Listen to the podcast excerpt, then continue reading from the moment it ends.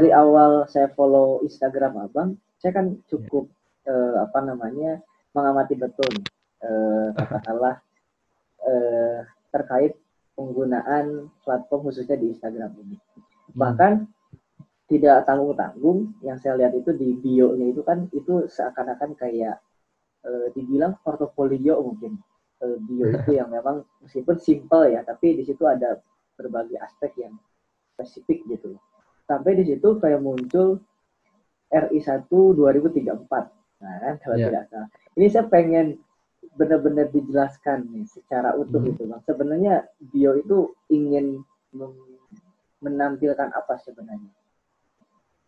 Ya. Jadi tar ini maksudnya uh, bio secara apa ya, peran dan fungsi bio secara algoritmik Instagram atau uh, message yang ingin disampaikan message yang ingin disampaikan. Oke, okay. makasih. Nah, jadi kalau uh, bagi saya seperti ini di era uh, digital dan teknologi informasi ini kan ya mau tidak mau misalnya let's say secara spesifik di Instagram kan kita gunakan untuk memperkenalkan diri kita secara singkat dan harapannya bisa memberikan gambaran orang-orang tentang siapa kita, apa passion kita atau apa yang kita uh, capai begitu. Atau kalau kata pepatah paling sederhana kan tak kenal maka tak sayang. Hmm. Nah, jadi bagi saya yang saya tuliskan di situ ya tentang beberapa hal yang menurut saya dari semua informasi di dunia ketika harus saya ekstraksi dalam bentuk sekecil-kecilnya dan kayaknya kalau orang kenal saya perlu tahu itu dalam artian bukan bahwa saya berbangga ya atau hmm. saya bilang saya hebat tapi minimal kan orang-orang pada akhirnya ada ada korelasi ada yang match gitu kalau entah dia mau nanya dia mau diskusi okay. atau dia mau berbicara kan sebenarnya dia ada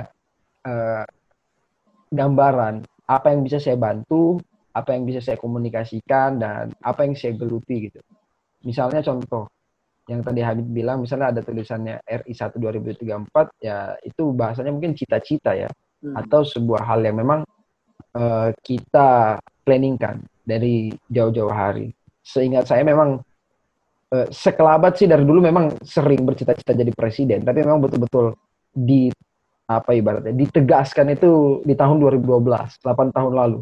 Okay. Jadi 2012 sampai 2020 ini 8 tahun ini semua yang kita lakukan itu muaranya nanti ke sana.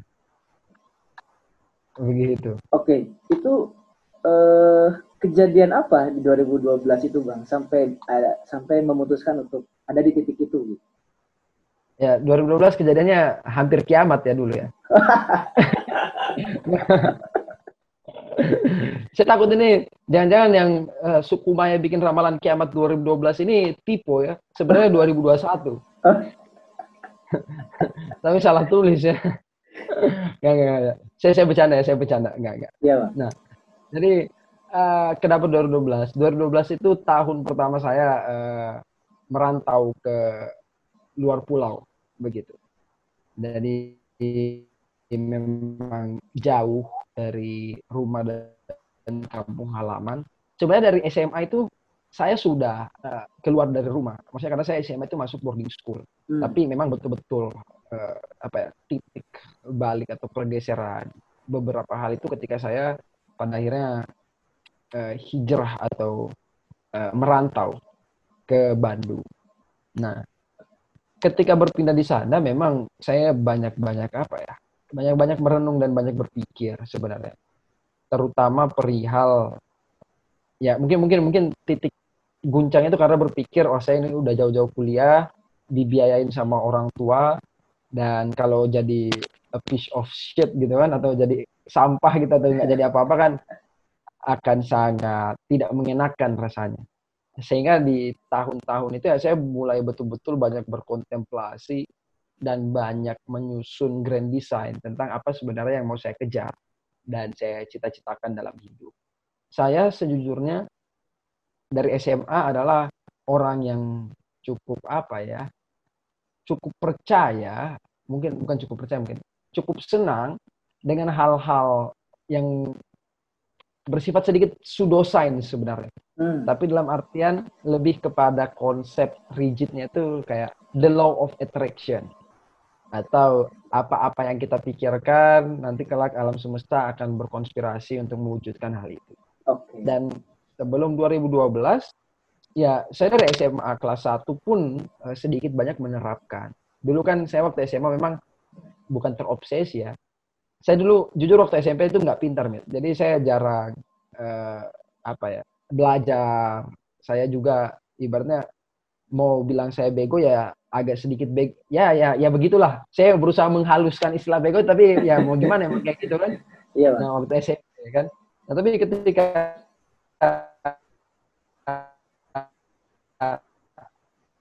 uh, misalnya saya ikut Olimpiade Sains Nasional, tidak akan ada orang di satu sekolah ini yang berani bilang saya bego. Nah, akhirnya saya dulu memang uh, menargetkan waktu SMA saya harus uh, lolos ke OSN, Olimpiade hmm. Sains Nasional kan. Oke. Okay. Nah, dan di situ saya awalnya bersinggungan dengan konsepnya Yohanes Surya, namanya dulu Mestakung. Okay. Semesta alam hukum kan. Iya. Yeah. Nah, konsep Mestakung ini kalau ditarik balik memang Eh, kurang lebih sama sama The Law of Attraction-nya Rhonda Bryan kan. Dan kalau ditarik lagi secara ke belakang lagi, ini bagi saya mengakar di pemikirannya uh, Napoleon Hill dalam bukunya Think and Grow Rich. Hmm. Jadi itu satu benang lah. Intinya apa yang kita yakini alam semesta akan berkonspirasi menarik itu. Dan kembali tadi saya merantau. Nah, ketika momen itu juga pada akhirnya saya mulai men-sketch uh, planning-planning apa yang harus dicapai dan dari banyak hal itu salah satunya menjadi presiden RI 2034. Oke, berarti uh, khususnya misalkan bagi para milenial ini di luar sana ataupun misalkan saya juga, uh, idealnya ada satu fase di mana kita harus mentreatment uh, diri kita personal, bang. Hmm? Misalkan uh, mentreatment diri kita personal itu misalkan kayak uh, di satu fase kita harus mulai mendesain apa yang memang kiranya aspek-aspek yang akan kita lakukan ke depan. Misalkan tadi di 2012 misalkan seperti apa? Hmm. Oh ya, nah uh, menurut saya begini, ini pilihan sebenarnya ya. Saya tidak mengatakan bahwa ini adalah jalan pilihan yang harus dilakukan semua orang. Misalnya hmm. kalau kita kategorisasikan secara garis besar lah misalnya, ada orang yang mungkin prinsipnya hidupnya itu mengalir aja. Intinya dia melakukan yang terbaik di momen itu, saat itu, uh, biarlah takdir nanti yang mengantarkan entah dia mau ke mana gitu kan. Nah, di satu sisi ada kepercayaan yang ya ada planning apa goals-goals yang panjang yang kita mau uh, capai. Bahkan salah seorang apa ya mentor saya ada ada salah seorang mentor saya yang sangat sukses sekali saya anggap dia uh, berpikiran yang betul-betul oposit dari apa yang saya pikirkan. Yang saya bilang tadi, kalau saya beranggapan bahwa hidup ini harus diplanning kan, dia bilang tidak usah saya ini hidup tidak pernah saya rencanakan apa-apa dia bilang begitu padahal dia sangat sukses nah jadi eh, bagi saya kalau tadi bahasanya apakah milenial harus pada satu fase merencanakan atau apa itu sebenarnya eh, kembali ke kalian. Tapi kalau yang saya prefer adalah eh, harus diplanningkan. Karena bagi saya hidup ini cuma satu kali dan karena kita seumur hidup selalu diterpa oleh kebingungan, kebingungan yang secara konstan itu selalu hadir, bagi saya dengan menetapkan goals atau tujuan ini minimal bisa bukan menghibur diri, ya, bisa memberikan kita uh, sense of purpose gitu dalam hmm. hidup. Contoh, contoh sederhananya begini. Uh, misalnya uh, Hamid dari Sukabumi, misalnya let's say dari Sukabumi mau ke Jakarta misalnya kan? Ya kalau Hamid dari Sukabumi sudah menetapkan tujuannya mau ke Jakarta, misalnya let's say eh, Hamid naik mobil gitu kan, nah, tiba-tiba di jalan mobilnya macet, sehingga Hamid harus mencari transportasi alternatif. At least kan Hamid tidak bingung-bingung amat, karena tahu oh ya saya kan mau ke Jakarta, saya coba uh, naik kereta dari sini untuk nyambung ke sana. Tiba-tiba uh, misalnya di satu titik keretanya macet lagi kan, Hamid kan bisa mengkonspirasikan kan atau memikirkan saya harus ngambil kendaraan alternatif apa lagi sehingga tidak terjebak ketika terjadi kegagalan atau terjadi hal-hal yang tidak sesuai keinginan di satu titik. Nah, kalau tanpa planning, misalnya Hamid nih dari Sukabumi keluar rumah, ah saya naik angkot lah yang depan rumah. Nggak ada tujuan, ya ketika misalnya angkot angkotnya berhenti kan pada akhirnya eh, merenungnya lama lagi. Aduh, ya, aduh, angkotnya rusak. Aduh, saya mau ke mana lagi ya? Kan jadi bisa ke mana-mana kan? Nah, ya. jadi uh, bagi saya itu pentingnya menetapkan tujuan. Misalnya saya track panjang yang menjadi presiden RI 2034, ya hal-hal pilihan-pilihan yang bersifat temporer, misalnya apakah uh, gagal mendapatkan target kecil atau misalnya uh, mengambil pilihan kuliah ini, kuliah itu, itu tidak menjadi soal yang terlalu besar bagi saya. Karena apa pun pilihannya ya saya tetap fokus sama tujuan akhirnya itu jadi presiden tadi. Oke. Okay. Begitu. Oke. Okay. uh, itu menjadi hal yang menarik. Kemudian juga misalkan kembali lagi bang uh, terkait penggunaan platform media sosial, misalkan tadi uh, hmm. abang uh, masif di Instagram misalnya. Media sosial ini kan sekarang mau nggak mau kita pasti masif menggunakan gitu, termasuk misalkan hmm. abang betul-betul masif di media sosial sampai hmm. follower di Instagram itu besar sekali bagi saya. Hmm. Nah tapi di lain sisi kecenderungan media sosial ini memiliki algoritma yang dinamakan dengan filter bubble yang hmm. menjadikan kita ini semakin dekat dengan apa yang memang kita sukai dan semakin jauh dengan apa yang tidak kita sukai gitu. Dengan kata hmm. lain, informasi yang begitu luas ini tidak akan tercerna dengan begitu baik karena memang kecenderungannya adalah kita lebih didekatkan dengan aspek-aspek yang kita sukai. Sedangkan di luar hmm. sana banyak aspek yang sebenarnya perlu kita perhatikan uh, tapi mungkin tidak kita sukai gitu. Misalkan isu-isu hmm. hangat tertentu dan segala macam. Nah ini hmm. bagaimana bang kiranya bang terkait penggunaan media hmm. sosial ini? Hmm. Oh ya. Nah kalau uh, begitu bagi saya begini, itu sebenarnya kembali lagi tergantung apa ya uh, purpose atau tujuan kita menggunakan media sosial dan orang bisa beda-beda. Kalau saya pribadi tidak pernah menjadikan medsos sebagai apa ya uh, sumber informa informasi primer let's say seperti itu. Jadi ya apa pun yang berada di medsos apa, yang sebenarnya tidak ada kaitannya dengan interest atau pengetahuan saya, karena saya nyari pengetahuan itu di luar hmm. uh, medsos. Dan saya rasa itu adalah hal yang sangat wajar ya bagi pengembang uh, startup atau portal informasi, ya dia pasti kalau merekomendasikan hal-hal yang membuat orang-orang tidak interest kan pasti ninggalin platform itu. Uh. Jadi bagi saya itu it's pure business, is it's pure normal thing dan uh, bukan sesuatu yang harus diragukan eh, uh, atau dipertanyakan keabsahannya. Let's say kalian main TikTok gitu kan. Nah, pasti kan algoritma TikTok itu kan mendorong apa-apa yang sering kalian like. Misalnya hmm. kalian terus melihat uh, dance dance ya dia akan mendorong ke situ. Misalnya kalian interest melihat sketch komedi, dia akan mendorong ke situ. Karena bagi saya tidak ini aja apa? Tidak mungkin juga kalau misalnya yang didorong itu adalah hal-hal yang kalian tidak tidak suka. Pasti kalian ninggalin uh, platform itu. Karena sekali lagi pada dasarnya Aidil menganggap bahwa uh, orang-orang pada akhirnya lari ke medsos itu karena kejenuhan dengan uh, dunia di luar medsos. Jadi mereka lari ke situ untuk mencari hiburan. Kalau orang masuk ke medsos untuk belajar, saya rasa agak agak agak berat juga. Nah, kayaknya menjadi sebuah ataupun semacam nasihat gitu bang. Karena hmm. tadi ya uh, algoritma ini semakin kita gunakan, biasanya semakin akan mencengkram kita gitu kan. Makanya tadi hmm. saya sangat sepakat ketika memang kalau kita mencari informasi ataupun misalkan ruang-ruang intelektual misalkan itu juga hmm. sepertinya masih perlu menggunakan ruang-ruang konvensional mungkin bang ya. Ya, ya betul. Karena saya lihat memang uh, apa ya ini lagi-lagi ini debatable sih. Tapi bagi ideal uh, kalau kita merujuk atau jauh melihat ke belakang bagaimana manusia itu membangun konstruksi berpikirnya, Hmm. Kan akan segala sesuatu itu ada ilmunya dan pemahaman akan ilmu itu harus mendalam. Nah, kendalanya di era teknologi informasi sekarang, orang-orang gampang merasa puas atau merasa paham akan sesuatu dari hanya mengetahui kemasannya saja. Sehingga tidak memiliki wisdom atau kebijaksanaan terhadap penggunaan atau penerapan atau pengembangan ilmu-ilmu tertentu.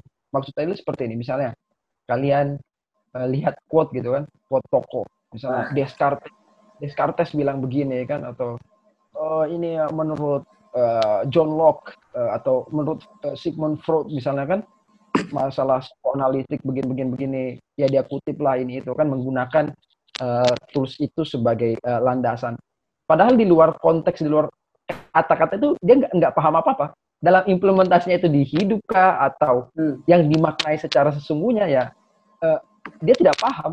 Maksudnya tidak memiliki kapabilitas. Dalam artian, ini nggak tahu ya kalau ada ya, tapi kayaknya sulit. uh, dengan mengetahui informasi yang sepotong, kemudian kalian menjadikan itu uh, pisau analisis kalian untuk uh, okay.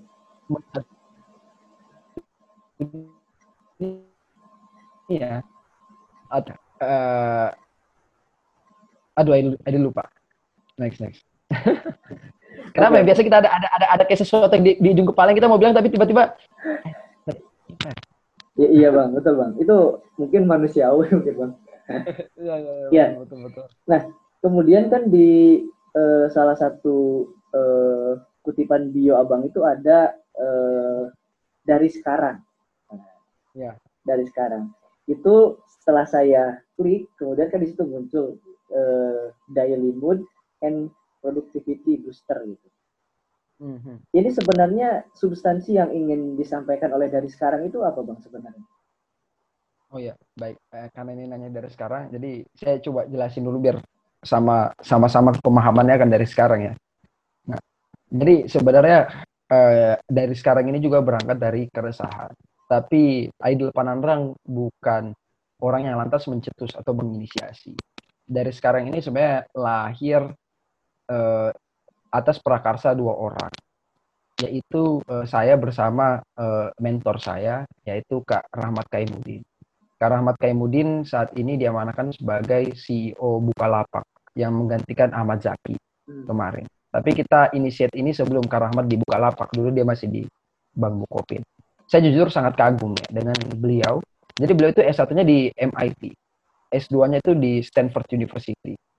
Dan saya banyak bertanya, Bang kok bisa gitu maksudnya kok uh, apa ya pencapaiannya kok bisa luar biasa begitu kan kok bisa keren banget lah bahasanya nah jadi uh, dari diskusi-diskusi itu uh, intinya dia bilang bahwa salah satu apa ya uh, pegangan atau prinsip atau apa pun itu bahasanya yang dia senang yang dia pegang itu uh, bahwa seorang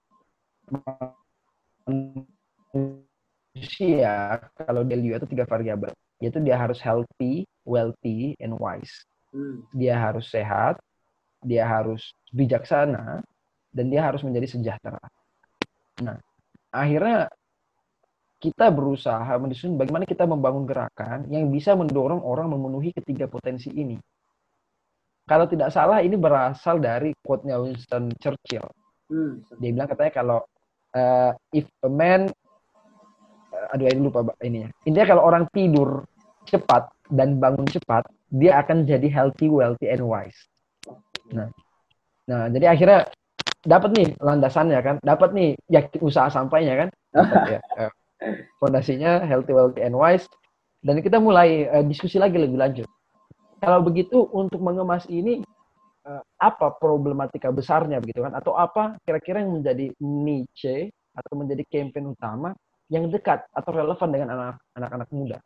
Nah, diskusi-diskusi diskusi kita temukan bahwa yang menjadi penghalang anak muda untuk menuju ketiga potensinya ini, healthy, wealthy, and wise ini adalah kebiasaan mereka menunda-nunda pekerjaan. Jadi terkadang anak muda ini kalau mau menjadi lebih baik misalnya, selalu pasti ada alasan atau pembenaran nanti gitu kan.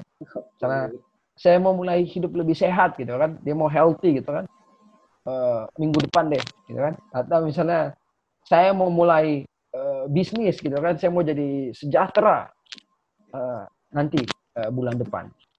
Atau saya mau menjadi orang yang lebih bijaksana, saya mau mulai banyak baca buku. Nanti akan saya masukkan di resolusi saya tahun depan.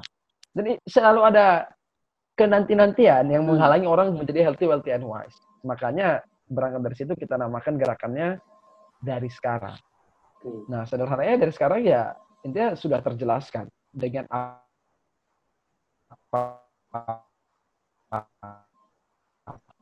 Landa malkan sendiri arahnya ke mana. Gitu. Ya. Nah, itu kan filosofinya begitu jelas kan, eh, dengan mengusung tiga substansi yang tadi disampaikan. Nah, secara konten itu hmm. apa saja yang sering disajikan tuh di dari sekarang itu, bang?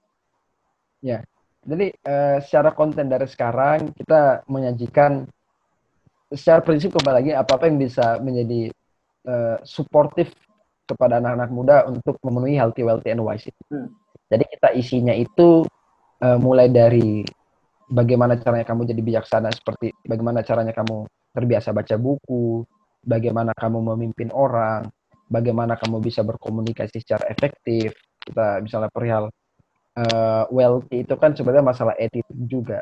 Bagaimana kamu menghadapi orang lain, bagaimana kamu bisa bernegosiasi dalam bisnis atau bagaimana caranya kamu melakukan strategi-strategi persuasi itu kan sebenarnya dekat dengan hal-hal yang bersifat wealthiness gitu. Yeah. Dan uh, healthy ya tidak selamanya healthy itu hanya bersifat hal-hal yang bersifat fisik. Sebenarnya kemarin uh, kita sudah sempat discuss untuk bikin kayak dari sekarang run gitu kan acara lari hmm. bareng. Tapi karena COVID ini kan jadi terkendala juga.